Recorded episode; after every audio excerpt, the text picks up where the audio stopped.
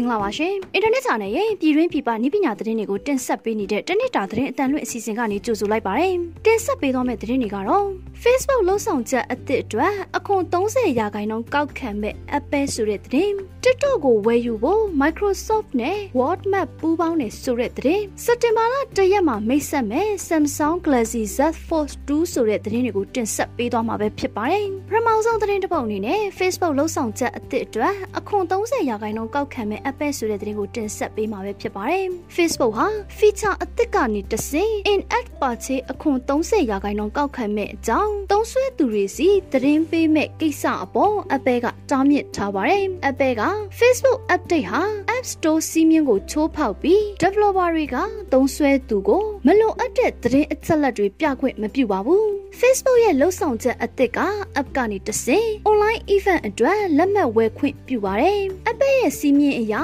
App Store ရဲ့ငွေပေးချေမှုစနစ်ကိုအသုံးပြုရပြီးတော့30ရာခိုင်နှုန်းကောက်ခံပါမယ်။ Apple အနေနဲ့ငွေကြေးကောက်ခံမှုကိုရှော့ချပေးဖို့ Facebook ကတောင်းဆိုခဲ့ပါတယ်။ဒါမှပဲဝင်ငွေတွေကပွဲစီစဉ်သူတွေစီစီစဉ်နိုင်မှာပဲဖြစ်ပါတယ်။ Facebook တောင်းဆိုချက်ကို Apple ကညှင်းဆန်ခဲ့ပါတယ်။အခု feature ကတော့ဖြန့်ချီလိုက်ပြီးဖြစ်ပေမဲ့ Apple က30ရာခိုင်နှုန်းကောက်ခံမဲ့ကိစ္စကိုတော့သုံးစွဲသူတွေစီသတင်းပေးဖို့လဲတားမြစ်ထားပါတယ်။ online event အတွက်လက်မှတ်ဝယ်ယူတဲ့အခါ app ထဲမှာ message ဘယ်လိုပေါ်မလဲဆိုတာကိုလည်းဒီလအစောပိုင်းမှာ Facebook ကပုံတပုံဖြန့်ချီထားပါတယ်။ဆက်လက်ပြီး TikTok ကိုဝယ်ယူဖို့ Microsoft နဲ့ Walmart ပူးပေါင်းတယ်ဆိုတဲ့သတင်းကိုတင်ဆက်ပေးသွားမှာပဲဖြစ်ပါတယ်။ American လက်လီစတိုကုမ္ပဏီကြီး Walmart ဟာ TikTok American လုပ်ငန်းကိုဝယ်ယူဖို့ Microsoft နဲ့ပူးပေါင်းလိုက်တယ်လို့ထုတ်ပြန်ခဲ့ပါတယ်။ တရုတ်ပိုင် TikTok app ဟာ Walmart လုပ်ငန်းကိုအကူအညီပေးနိုင်မယ်လို့ကုမ္ပဏီက BBC ကိုပြောထားပါတယ်။ TikTok အနေနဲ့ American လုပ်ငန်းကို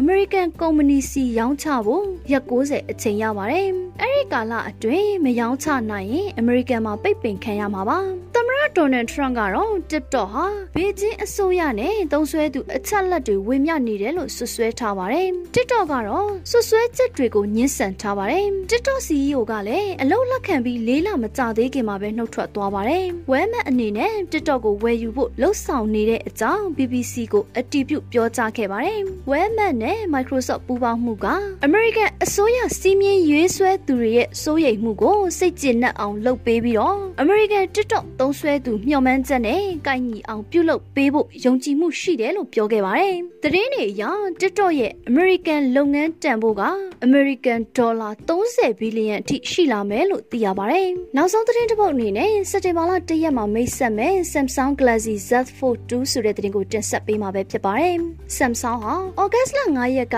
Galaxy Unpad ပွဲကိုပြုလုပ်ထားပေမဲ့အားရပုံမရသေးပါဘူး။အခုဆိုရင် Galaxy Unpad ပတ်2ကိုစက်တင်ဘာလ၁ရက်မှာထပ်မံပြုလုပ်သွားမယ်လို့ကြေညာလိုက်ပါတယ်။ထွက်ပေါ်လာတဲ့ပိုစတာအရပွဲအတွင်း Galaxy Z Fold 2ကိုအသေးစိတ်မိတ်ဆက်ဖွယ်ရှိပါတယ်။အရင်ကပြုလုပ်ခဲ့တဲ့ Unpad ပွဲမှာလည်း Galaxy Z Fold 2ကိုအနည်းငယ်ပဲမိတ်ဆက်ပေးခဲ့ပါတယ်။ Samsung Galaxy Z Fold 2နဲ့ပတ်သက်တဲ့ပေါက်ကြားထွက်ပေါ်မှုနဲ့ review ဗီဒီယိုများစွာလည်း online မှာပြန့်နှံ့နေပါတယ်။ Galaxy Z Fold 2ရဲ့ software နဲ့ hardware ပိုင်းကတော့သိရှိပြီးဖြစ်ပေမဲ့ဈေးနှုန်းပဲမိတ်ဆက်ဖို့ကြံပါတော့တယ်။အခုတင်ဆက်ပေးသွားတဲ့သတင်းတွေကနိုင်ငံတကာနဲ့ပြည်တွင်းမှာရရှိထားတဲ့ဤပညာသတင်းတွေကိုအင်တာနက် channel ကနေတင်ဆက်လိုက်တာပဲဖြစ်ပါတယ်။အခုလို COVID-19 ဖြစ်ပေါ်နေတဲ့ကာလမှာပြည်သက်တွေအနေနဲ့လည်းကျန်းမာရေးနဲ့အာကစားဝန်ကြီးဌာနရဲ့လမ်းညွှန်မှုတွေနဲ့အညီလိုက်နာဆောင်ရွက်ခါနေထိုင်သွားလာဖို့တိုက်တွန်းလိုက်ပါတယ်။ကျွန်မကတော့ဝေမြင့်မှုပါ။